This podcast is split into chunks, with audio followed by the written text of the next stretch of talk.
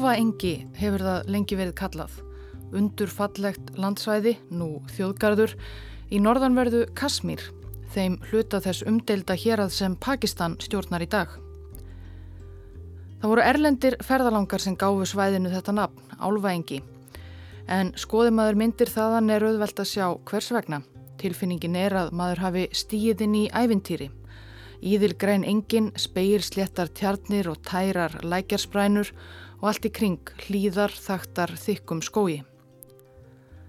Timburkofar eru á stangli í hlýðunum og kindur og hestar á beitt. Náttúrufegurð hvert sem litið er, en útsýnið í norður átt er sérstatt. Því yfir friðsælum álvæðingjum trónir gríðarlegt fjall, ógnvænlegur íserisi sem verðist reyðbúin að gleipa í sig álvæðingi hvaður hverju. Þetta er nýjunda hæsta fjall heims, 8126 km yfir sjáarmáli. Það er því með réttu sem heimamenn í Pakistan kalla það Diamer eða Risafjallið. Það er í vestasta hluta Himalaya fjallgarðsins mikla en stendur samt eiginlega eitt, engin önnur fjöll í kring með viðlíka áhrifamátt. Það var þess vegna sem það fekk nafnið sem flestir kalla það í dag Nanga Parbat eða Nakta fjallið á sanskrit. Það áreindar líka enneitt nafn sem stundum er notað. Það er Drápsfjallið. Því þrátt fyrir náttúrufegurðina við rætur fjallsins er ekkert sem býður þegar upp í hlýðar þess og rikki er komið nema dauðans alvara. Og fjölmarkir hafa dáið við að reyna að koma sér upp á hæsta tind Drápsfjallsins. Við ætlum að heyra af einni slíkri djarfri tilraun sem endaði í stórslisi, þjáningum og dauða.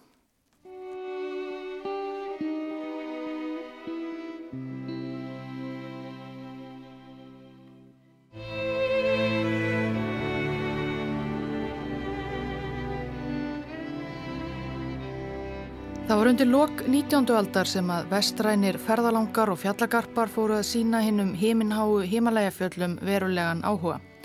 Þá hafðu evróskir landmælingamenn úrskurðað að fjöllin þar væru þau langhæstu í heimi. Eins og það allra hæsta Everest fjall sem var einmitt bara nefnt eftir einum breskum landmælingamanni, George Everest.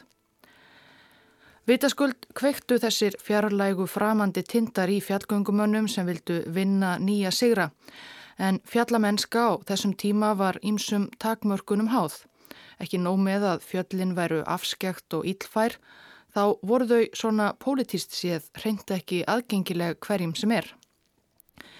Bretar sátu þannig til að mynda svo gott sem einir að hæsta fjalli heims Everest lengi. Everest stendur á landamærum Nepals og Tíbet. Nepal, sjálfstætt konungsríki, hafði átt í betrum deilum við breska nýlendupotara lengi og lokað landinu fyrir bretum og líka öllum öðrum. Tíbet var þá formlega séð undir kínverskri stjórn en nöyti raun talsverðarar sjálfstjórnar undir hinnum hefbundna leðtóa Tíbeta Dalai Lama. Og Tíbet var raunar líka lengi lokað land en brettar, æfinlega afskiptasamir, höfðu gengið af nokkuru hörku á Tíbeta um að hleypa bretum þangað inn. Það var hluti af umfangsmeiri valdabaróttu bretta og rúsa um áhrif í Asíu Bretar voru að passa upp á áhrifasvæði sín eistra, ekki síst krúnudjásnið Indland og hluti af samkómulagi sem loks náðist milli bretta og tíbeta var að engir aðrir útlendingar fengju að skipta sér þar nokkuð af, aðeins brettar. Það voru því aðeins breskir fjallgöngumenn sem gáttu tekið þátt í fyrstu tilraununum við Everest. Aðrar þjóðir fengu ekkert að gert.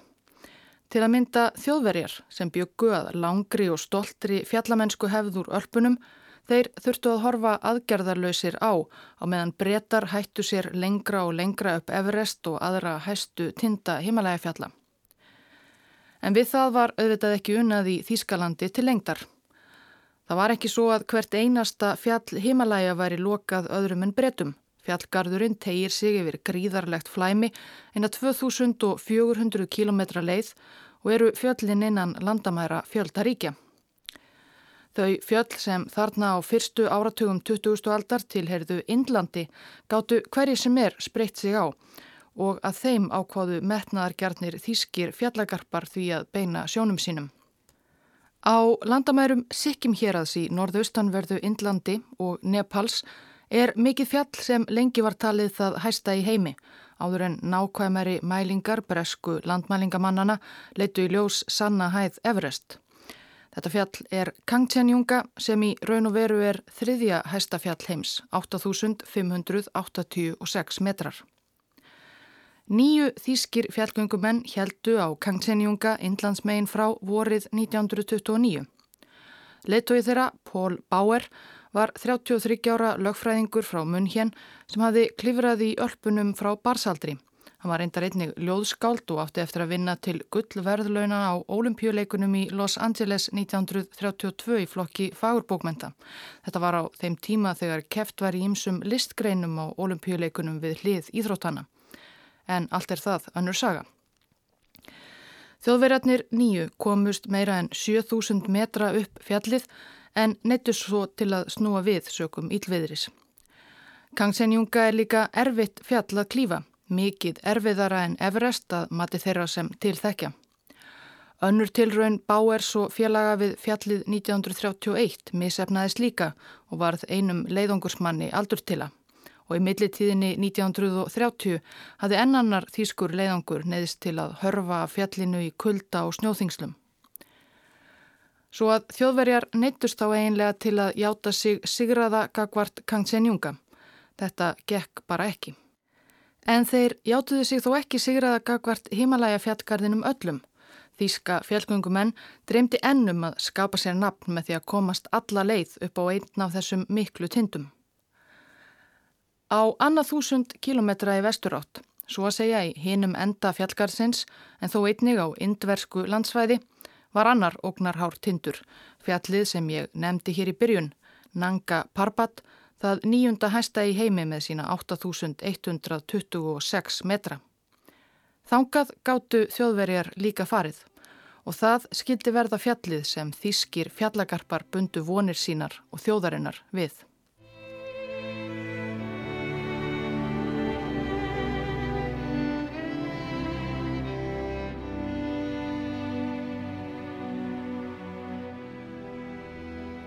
Willi Merkl var fættur aldamáta árið 1900 í Turingen miðsvæðis í Þýskalandi. Eftir að hafa lifað af táningsár sem hermaður á blóðvöllum fyrri heimstyrjaldar lærði hann vélaverkfræði og starfaði eftir útskrift sem verkfræðingur hjá ríkisjáttbrautunum í munn hér. En ástriða hans var fjallaklifur og á árunum millir 20 og 30 sigraði hann hvern tindin í ölpunum og fætur öðrum varð margóft fyrstur allra til að fara ákveðnar leiðir. 1929 hafði hann svo farið í leiðangur í Kákasusfjöll með klifur félaga sínum Fritz Bechtold og toppuðu þeir þá meðal annars tvö fjöll sem voru herri en 5.000 metrar. Að því afreiki loknu vildi Vili Merkl setja markið enn herra og aðtikli þjóðverja á nakta fjallinu Nanga Parbat var þá þegar vöknuð. Enskur fjallagarpur, Albert Mumeri, hafi reynd við fjallið næri fjórum áratugum fyrr, 1895, á samt tveimur nepölskum aðstofarmönnum. Það var raunar í fyrsta sinn sem vitað er til að nokkur hafi reynd af alvöru að klífa einhvern af 8000 metra tindunum í himalægafjöllum. En brautriðjanda tilraunin hafi endað ítla. Mumeri, án Eva, einn allra besti fjallamaður sinnar kynnslóðar, lendi í snjóflóði á Nanga Parbat á samt báðum nepulunum. Þeir sáist aldrei meir og líkamsleifar þeirra hafa aldrei fundist. Síðan þá hafði enginn lagt í Nanga Parbat, fjallið sem þegar hafði heimt líf þryggja manna.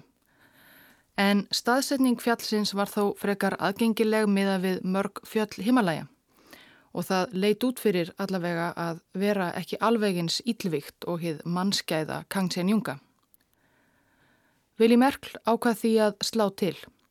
Á samt félaga sínum úr Kákasusferðinni, Fritz Bechtold og fleiri framámönnum í Þýskum klifurheimi fór hann að skipuleggja leiðangur á toppin á Nanga Parbat. Næri 40 ár hafa nú liðið frá tilraun Mömmerís og enn hafa engin af hæstu fjöllum heims verið sigruð og fáir hinn að þúsunda tinda í Himalaya og Karakoram. Hinnir snæfið þögtu toppar sem engin mennskur fótur hefur stíið á eru markmið og heitasta ósk fjallgöngumanna allara þjóða. Svo skrifaði Merkl sjálfur um leiðangur sinn í gönguritið Himalayan Journal.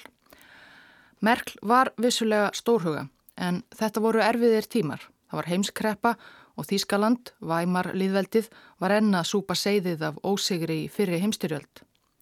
Það var ekki efst á lista kvorki hjá ríkisjóði eða atvinnureikendum að láta fíaf hendi rakna í djarfan og dýran fjallgönguleiðangur í fjarlægu landi, sama hvaða er þið dýrðilegt ef þjóðverjum tækist að sigra nanga parbat og alþjóðleg stórfrétt. Svo Merkl tókst bara að sapna einhverjum smápenningum með frjálsum framlögum frá öðrum þýskum klifráhugamunum en til þess að ná svo endum saman fekk hann til liðsvið sig tvo bandaríkjaman. Elbridge Rand Herron var um þrítugt, ættaður frá New York en hafi búið lengi á meginlandi Evrópu og hafði rétt eins og Merkl klifið víða í ölpunum. Hann var því vel hæfur klifrari en ástæða þess að Merkl fekk hann með sér var helst svo að foreldrar Herrons voru auðugir og hann gætt borgað með sér stóran hluta kostnæðarins við leiðangurinn. Hinn bandaríkjamaðurinn var Elisabeth Knowlton. Hún var bladamadur og skrýbend, öllu eldri en flestir leðangursmenn 36 ára og hafði klifrað frá barsaldri, fyrst í fjöllunum heima í New Hampshire og síðar bæði í Evrópu, Kanada og Suður Ameríku. Hún var fjáröfluninni sérlega mikilvæg þar sem hún samti bæði við New York Times um að senda heim fréttapistla og við útgáfufélagum að skrifa bók að leiðangri loknum.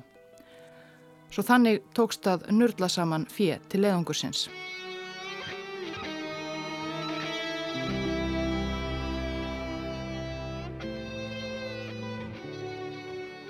Í april 1932 voru liðsmenn Þísk bandaríska leiðangursins á Nanga Parbat komin til Astor, smáþorps í Kasmír, rétt austur af fjallinu mikla. En ferð þeirra áfram gekk brösulega frá byrjun. Vanir himalægafarar höfðu lagt fast að Merkl og félögum að ráða burðar og aðstofamenn til leiðungursins frá Nepal, menn af þjóðunum sem byggu við rætur hæstu tindana þar, sérpa eða gúrka. Það var komin heð fyrir því og hjá þeim væri hægt að ganga að mikilvægri reynslu í háfjallaferðum. En Merkl hafði þá ekki efni á því að sækja sér leiðungursmenn allarleið til Nepal í hínum enda fjallgarsins Svo hann reði bara innfættar hjálparhellur úr þorpunum í sveitunum í kringum Nanga Parbat, menn sem voru oftar en ekki óvanir fjallavinnu og ekki eins viljugýr og Evrópumennir hefðu viljað. Indverska sjálfstæðisreifingin var þannig komin á fullt, Indverjar hafðu öðlast sjálfströst og ekki efst í huga margra endilega þjóna evróskum herrum hvað þá að hætta lífi og limum um leið fyrir lúsar laun. Leðangurinn markaðist strax í upphafi af deilum við innfæta og margir sögðu upp eða lögðu niður störf á miðri leiðað rótum fjálsins. Þegar loks var komið í álvæengi og lagt á fjallið mikla sótist ferðin sent. Leðangursmenn höfðu, jú, flestir farið víða um Alpana og sumir jafnvel á herri tinda Kákasusfjallana en enginn hafði reynslu af himalægafjöllum. Þau voru dálítið annað. Ákveðið var að fara upp hrygg á norður hlið fjálsins. Það var ekki auðveldast að leiðin upp en þær hlýðar sem sínast auðveldastar að klífa á fjöllum himalæja eru oft þær háskalegustu vegna snjóflóðahættum. En bröttum hryggjunum fylgja líka hættur, veður og vindar. Það er sama hvað maður velur, það er alltaf einhver áhætta. Í raun og veru gekk flest á afturfótunum. Burðarmennir voru treyir í taumi og óvanir háfjallalofti svo þeir sem á annað borð unnu, margir stukku af þegar þeir sáu út í hvað þeir átt að fara, þeim gekk íllað að bera og veiktust í sífællum. Svo ferðin sótist mjög seint. Í ágúst þremur mánuðum eftir að þau lögðu af stað var leiðangusfólkið bara komið rúma 7000 metra upp en með meira en kílometra upp á toppin, erfiðan kílometra. Til samanburðar höfðu breytar sem reyndu við Everest 6 árum áður 1924 verið 6 vikur að ná upp í 7000 metra hæð og bara sett upp fjórar búðir á leiðinni en búðirnar hjá þjóðverjunum á Nanga Parbat voru þá þegar orðnar sjö með tilheyrandi veseni. Það var þá farið að hausta og með hverju skrefinu upp fjallið snjóaði meira og meira á göngufólkið. Þau fóru sífelt hægar yfir. Innfættu aðstofamennir lágu flestir veikir í hinum og þessum búðum á fjallinu. Fjallaloftið fór vægasagt ítla í þá. Að lokum var útsið með að það væri óðsmanns æði að reyna að komast herra í þetta sinn. Þau pökkuðu saman og fóru nýður eftir þryggja mánada áranguslöst klefur og ösli snjónum. Elisabeth Knólton skrifaði síðar í bóksína um leiðangurinn. Fjallið, fullt fyrirlitningar á auðmingjalegri tilrun okkar, hafði skeitingar löst á degi hverjum stráð yfir okkur nokkrum snjókornum og svo loks hafði það hend á okkur hillin nefafilli og við gátum ekki rönd við reist. Öllu var lokið, tilraunin mistókst, ósigur, vombreyði, tilgangsleysi.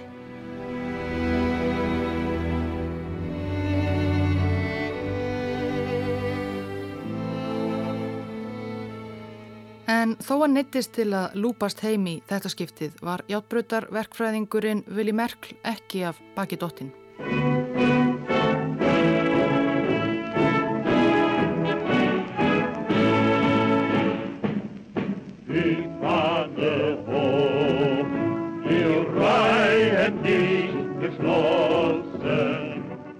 Bara örfá mánuðum eftir að þjóðverjarnir voru komnir niður af Nanga Parbat og heim til Þýskalands gerðist þar nokkuð sem átti eftir að hafa mikil áhrif á framtíð þýskrar fjallamennsku og reyndar ansi margt annað. Du, meine Arbeit für richtig hältst, ob du glaubst, dass ich fleißig gewesen bin, dass ich gearbeitet habe, dass ich mich in diesen Jahren für dich eingesetzt habe, Í janúar 1933 var Adolf Hitler, formaður þýskra nazista, skipaður kanslari Þýskalands. Þísk þjóðarniskend og myndir yfirburðir þjóðverja var nýjum ráðamönnum sérstaklega umhugað um eins og allir vita og þar á meðal var að sína fram á hæfileika og tjörfung þískra íþróttamanna. Þegar Vili Merkl fór að leita ekki svo lengu eftir heimkomu eftir fjármagni fyrir öðrum leiðangri á Nanga Parbat fekk hann allt aðrar móttökur hjá hennu ofinbera en áður. Jáfnvel þó fyrir leiðangurinn hefði verið sneipuför þótti nýjum íþróttamálar á þeirra nazista Hans von Tjammer und Osten nú afar brínt að Vili Merkl gerði aðra tilraun og sigraði fjallið. Og þetta var einlega ekki bara spurningum fjall lengur. Fjallgöngur í Himalæja fjöllum voru nú settar í beint samband við gamlan rígmilli þjóðverja og breyta Þeir höfðu sigrað á í heimstyrjöldinni en þeir skildu ekki fá að sigrað á á fjálstindunum. Pól Bauer, sá sem reyndi að klífa Kangsenjunga, orðaði þetta svona. Þegar við þurftum að leggja niður vopnin, þreyfaði höndin í staðin eftir íseksi. Þar sem það er vist búið að svift okkur varanlega síðasta lífsgrundvellinum verðum við að leita nýra undistöðu í náttúrunni, þar sem hún er einmannaleg, vilt og ósnortin. Þar gefur baráttan við fjöllin okkur aftur heiðurskend.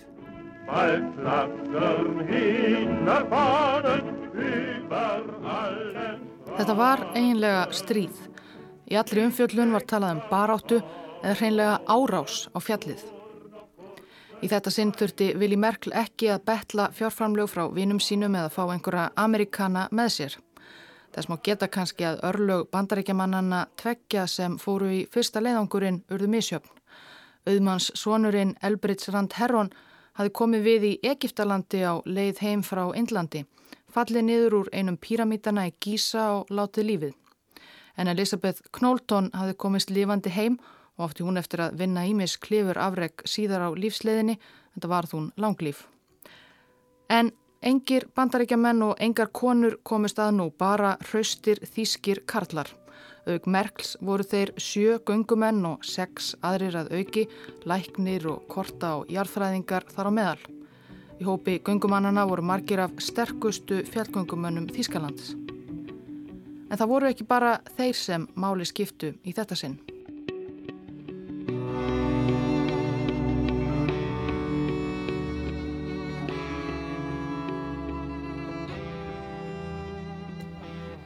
Árið 1904 fættist í litlu afskektu þorpi Tame í Kumbudalnum í Nepal við rætur Everest maður á nafni Ang Tsering Pensing.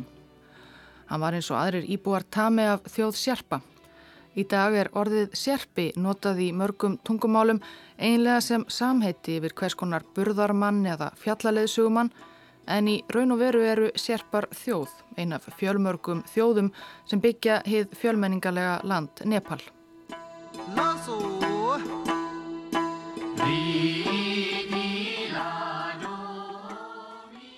Ólíkt flestum nepölum sem yfka hinduisma eru sérpar bútistar og tala tungumál sem skilt er tíbesku. En það talið að fyrstu sérparnir hafi komið frá Tíbet austur til Nepal einhver tíman á 15. eða 16. öld. Hyrðingjar í leitað betri beitilendum fyrir jakuksa sína eða kannski að flýja einhvern ófrið heimafyrir. Líf þeirra síðan þarna í nágrenni fjallana miklu hefur gert það verkum að sérpar eru afburða fjallamenn. Raunar hafa rannsóknir sínt fram á að líkamar sérpa vinna betur úr þunnu háfjallalofti en okkar lálendingjana. Og því fóru þeir útlendingar sem komu og vildu klífa fjöllin miklu fljótt að ráða þá í vinnu sem aðstóðarmenn í gunguleiðungurum. Raunar var það ekki í menningu sérpa upprunalega vilja endilega klífa þessi miklu fjöll sem umkringja heimahaga þeirra nema þá bara þyrti maður að komast leiðarsinnar yfir þau. Margir af fremstu fjallgöngumönnum heims í dag eru sérpar en það var ekki fyrir en útlendingarnir komu undir lok 19. aldar og réðu til sín unga hrausta menn úr þorpunum sem leiðsögu og aðstóðarmenn að þeir fóru að klífa tindana yfir leitt. Sagt er að sérparnir í Kumbudalnum hafi furðað sig á því þegar fyrstu Evrópumennina barað gardi sem sögðust vilja komast alla leið efst upp á fjöllin. Hvers vegna í ósköpunum að leggja það á sig? Vissu þeir af einhverjum fjársjóði þarna uppi völdu innfættir fyrir sér.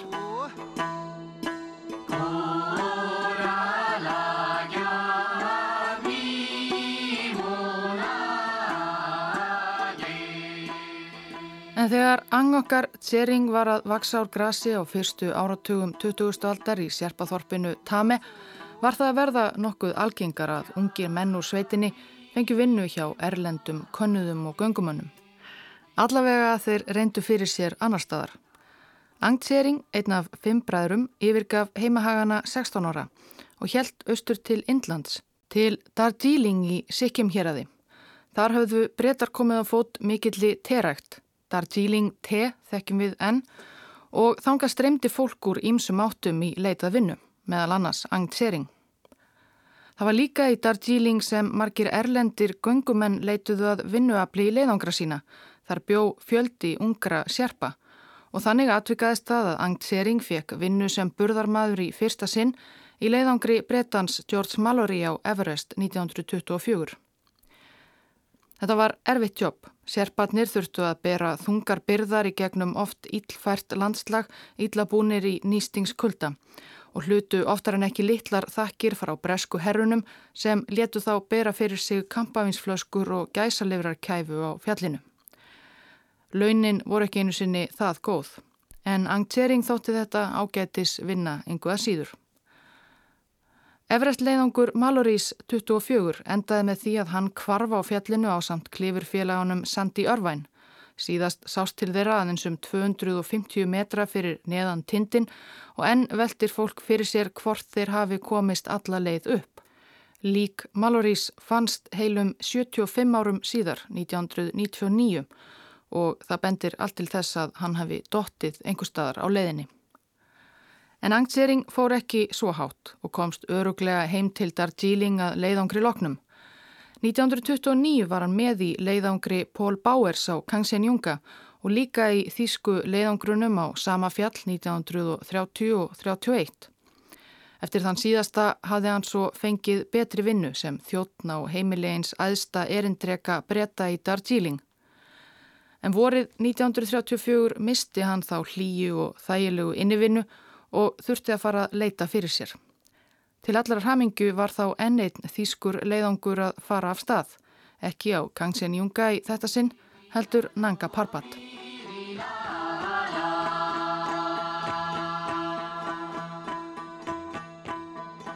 Á samt 34 öðrum sérpum, meðal þeirra voru margir mjög vanir fjallaferðum, tók Angtsering lestina til Kalkutta í lok april 1934 og þaðan til Srinagar í Kasmír. Þar sapnaðist allur hópurinn saman, sérpatnir og þjóðverjarnir 14. All margir bættus svo við. Þjóðverjarnir réðu um 600 innfætta Kasmírbúa til að bera allar vistir og búnað leiðangur sinns upp að rótum Nanga Parbat, þar sem sleiðir þau upp grunnbúðum. Úr dagbók gungumannsins Alfred Drexel. Sjerparnir sem við réðum í Darjeeling leika á leiðinni hlutverk lauruglumanna. Þeir virðast samanbori við ótrausta kasmírana eins og mistarar gagvart lærisveinum. Síðustu flokkarnir koma á kvildarstaðin mjög seint að nótu. Þeir bera trjágreinar sem kindla, laung ljóslanga mjakast í gegnum dimman skógin eins og mynd úr ævintýri fyrir okkur sem engar byrðar þurfa að bera. Þetta var meira en 300 km ganga, oft erfið gegnum skóa, sanda og stengljúfur hefnir þeir sem ekkert þurftu að bera. Loksins eftir 25. göngu var takmarkinu náð 27. mæ. Af lálendinu byrtist magnaði ríkidæmi Nanga Parbat skindilega. Úr frásögn annars göngumanns félaga Vili Merkl Fritz Bechtold. Langt fyrir ofan ljómuðu fyrstu glætur dögunarinnar. Hægt flætti mikilfengleg ægibyrtan niður og yfir á jökulinn fyrir neðan og niður ísilagða hlýðarans ættu fyrstu snjóflóð dagsins. Við mændum á fjallið eins og það væri óraumverulegt. En þó fjallið geti yfirbugað mannin, fyllir svo vittneski hann einnig eldmóði að það er alltaf og æfinlega hinn sigursæli mannsandi sem kemst að istu endi mörgum heimsins. Man's eternal fight against nature is surely never more in evidence than in his continual attempts to conquer the heights of the Himalayas. The great and detailed organization behind such attempts would alone daunt the average person. But this expedition under Herr Willy Merkel, the famous German mountaineer, is not composed of average people. Já, þetta var bara fyrsta takmarkið. Eftir stóð að komast upp metrana 8126. Vili Merkl ætlaði ekki að gera sömu mistöku í fyrstu tilraun hans við naktafjallið. Hann ætlaði ekki að vera óra tíma á leiðin upp. Hann ætlaði sér að reyna við svipaða leið og hann hafi gert í fyrraskiptið upp norðurrygg fjallsins en hraðar og betur. Merkl fór strax af stað. Eftir rúma viku, 7. júni, var búið að setja upp þrjár fyrstu búðirnar með tjöldum og vistum á fjallinu. Þá þegar var hópurinn komin yfir einn erfiðan hjalla, skriðjökul við rætur fjallsins sem að síðari tíma göngumadur lísti sem völundarhúsi, íshellna, stöppla og kletta svo þjettu að maður tapar átum. En það var daginn eftir að þriðju búðum var sleið upp að ólánið fór að elda leðangusmenn.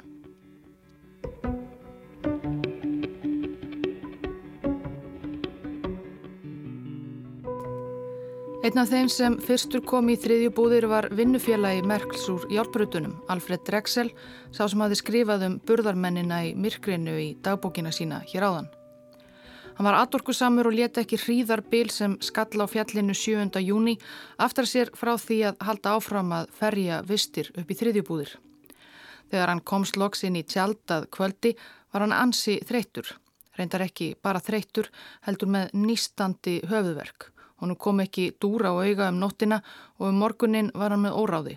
Neitaði að fara nýður af fjallinu þó félagar hans kvettu hann til þess. Degi síðar tókst loks að tala hann á að fara niður í aðrar búðir en þar tók við sama saga. Hann andaði þungt og hóstaði millir þess að hann rugglaði eitthvað óskiljanlegt, blár í framann. Læknir leðangur sinns var niðri í grunnbúðunum. Þegar skilabóð bárust af veikindum Drexels lagði hann af stað upp í aðrarbúðir en þegar þangað var komið seint að kvöldi 8. júni var Drexel meðvitundarlaus og nokkrum klukustundum eftir miðnætti lést Alfred Drexel.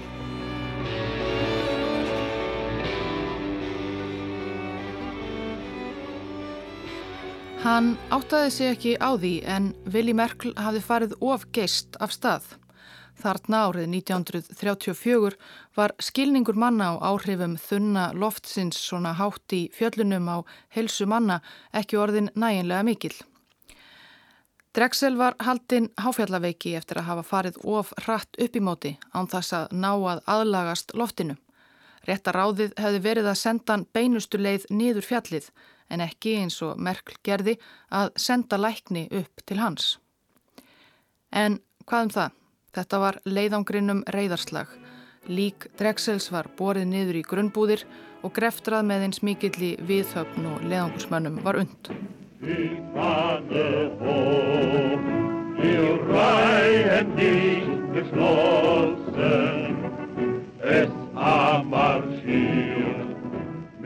Til er ljósmynd sem sínir lík Drexels liggja í snjónum, hann er með íseksina sína yfir brjóstinu og sveipaður fána með hagakrossi þýska nazistaflokksins.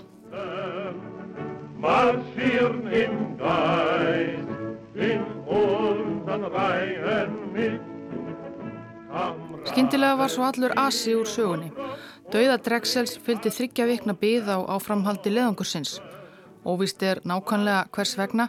Merkl vildi meðal annars býða eftir nýri sendingu í grunnbúðirnar af ákveðinu byggkveiti sem var megin fæða sérpana á fjallinu sem þeir blönduðu í graut með heitu vatni. Það var umdelt ákverðun. Aðrir leðangusmenn töldu feiki nóg af vistum þegar til staðar til að hægt væri að gera loka allögu að því að komast á tindin og því fyrr því betra það átti merklað hafa verið búin að læra. Loks 22. júni lagði fyrsti hópur fjögura þjóðverja og 11 sérpa upp á fjallið á nýjanleik. Aðrir leðangusmenn fylgdu fast á hæla þeirra. Fjórum dögum síðar voru þeir komnir í fjórðubúðir í 6.185 metra hæð. Fymtu búðunum var sleið niður 1. júli rúmum 500 metrum ofar. Það var fimpul kallt, 13 stega frost inni í tjaldi en stórkostlegt útsýni yfir fjallgarðin mikla. Í norð-austur blasti við næst hæsta fjall heims, þið afskekta og óviðraðanlega K2 sem enginn hafi þá einu sinni lagt í að reyna að klífa í aldar fjórðung. En Merkl, þjóðverjarnir, Angtsering og Sérpadnir voru með hugan við Nanga Parbat. Tindur nakta fjallsins blasti líka við og hann var nær, miklu nær. Nú var það erfiðasta að baki.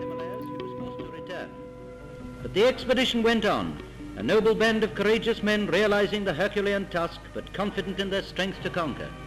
Climbing, climbing, climbing, with the snow underfoot and the clouds well below. Yet fate was against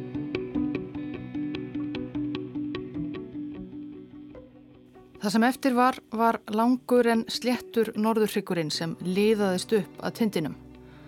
Merkl ákvaðað efna til eins konar leiftursóknar Hann vildi ekki eigða meiri tíma, ekki í þessa hefbundnu en tímafreku aðferð sem týðkaðist í Himalaya tindaklifri þá og nú, að setja upp búðir með reglulegu millibilli og ferja þangað vatn og vistir svo að alltaf væri hægt að snúa við ef illa færi eða þreita sekti að. Nei, frá sjöttubúðunum við upphaf hryggsinn skildu allir bera tjöld og allar sínar vistir á bakinu upp á tindin og aftur tilbaka. Það ætti ekki að taka þá meira en örfá að daga að ná takmarkinu. Angtering klóraði sér í kollinum þegar hann heyrði af þessu. Hann var kannski bara burðarmadur en hann eins og margir félagar hans hafði meiri himalæja reynslu en allir þjóðverjarnir samanlagt einlega. Hann vissi að þetta var ekki eins og skinsamlegast væri að gera þetta. En Angtering og hinnir sérspannir voru eftir allt saman bara burðarmenn og Vili Merkl var undir pressu. Það væri frekar óþægilegt fyrir hann eins og einn leiðangursmaður skrifaði í dagbúk sína um þetta leiti ef leiðangurinn mistekist. Hann sem hafi fengið svo háar fjárhæðir frá þýskum stjórnvöldum. Það voru gríðarlegar vonir bundnar við hann að með því að ná á toppin sanna yfirburði hins þýska kynstops í eitt skipti fyrir öll. Og svo var Merkl sjálfur að þreytast. Það sá allir. Andadráttur hans var þungur og hann hreyfiði sig hægt.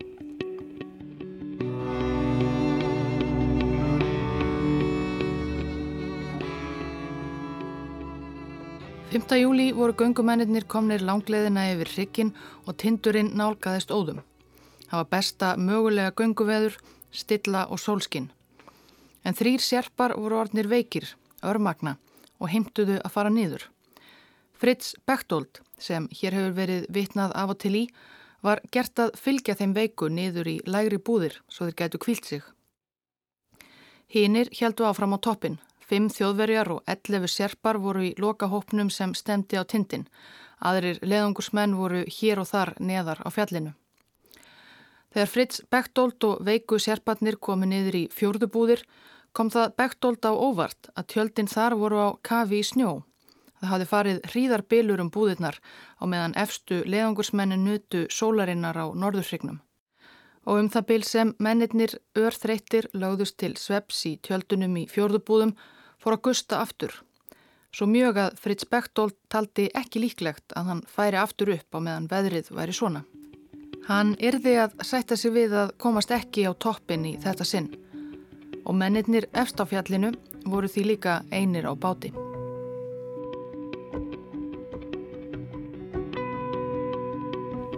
Ofar í fjallinu var sama blíðan. Allt gekk eins og í sögum.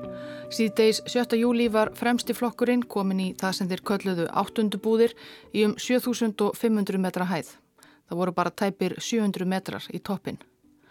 Styrkur og sigur gleði fylgti okkur, skrifaði einn gangumanna Peter Assenbrenner í dagbúksína. Hann var reyndar austuríkismæður, ekki þýskur, frá Tíról. Þeir voru tveir austuríkismenn í leðangrinum, Assenbrenner og Ervin Snæder. Þeir tveir voru líka einlega bestu fjallgöngumennir í hópnum. Við komuna í áttundubúðir jóðuluðu alpagarparnir dálitið í tilefni dagsins og fengu sér smók. Það kann að hljóma undarlega í dag en fjallgöngumenn á þessum tíma reyktu flestir eins og strompar, jáfnvel í 7000 metra hæð stöðugt að taka sér reykpásur. En sum sé það var glatt á hjalla en þegar leið á kvöldið fór að kvessa. Og kvessa og kvessa. Mennirnir efst á Nanga Parbat gáttu lítið annað gert en hýrst í tjöldum sínum sem nötruðu í vindinum sem virtist aldrei linna, reyndað halda á sér hitta og kvílast.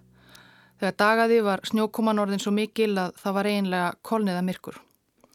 Með hverjum klukkutímanum varð háfaðin í vindinum meiri Allir heldu sig inn í tjaldi allan daginn. Einhverjir sérpar reyndu að hafa til einhvern mat en það var ekkert vit í þessu veðri. Bara býða eftir að lægði. Næstu nótt lágu sérparnir sofandi í tjöldum sínum eða reyndu allavega að festa einhvern svefn nötrandi af kulda og vindi en voru svo vaktir um miðjanótt. Það var annar austuríkismannana Jólandi, Peter Assenbrenner, sem hristi þá á fætur. Í gegnum vindgnauðin heyrðu sérparnir hann segja niður, niður. Það var ekkert útlitt fyrir að veðrinu myndi slota í bráð. Ílviðri sem þessi á Nanga Parbat gáttu varað í marga daga, jáfnvel vikur. Vili Merkl hafi ákveðið loksins að stríðið væri tapað, árásinn á tind Nanga Parbat farin út um þúfur. Mennirnir yrðu að komast í neðri búðir og skaplegra veður, ellegar eiga hættu að farast á fjallinu allir sem einn. Sérpartnir skriðu upp úr sveppokunum sínum og tóku snarlega saman fökur sínar. Það var engan tíma að missa. Það sem svo gerðist þarna í hæstu hæðum Nanga Parbat, já, svo saga er ekki alveg svo sama eftir því hver sögumadurinn er, hvort sá er serpi eða þjóðveri. En við vitum í dag að mannana á nakta fjallinu byðu enn ómældar hörmungar ekki síst vinu okkar Serpans Ang Tsering. En svo saga verður sögði næsta þætti.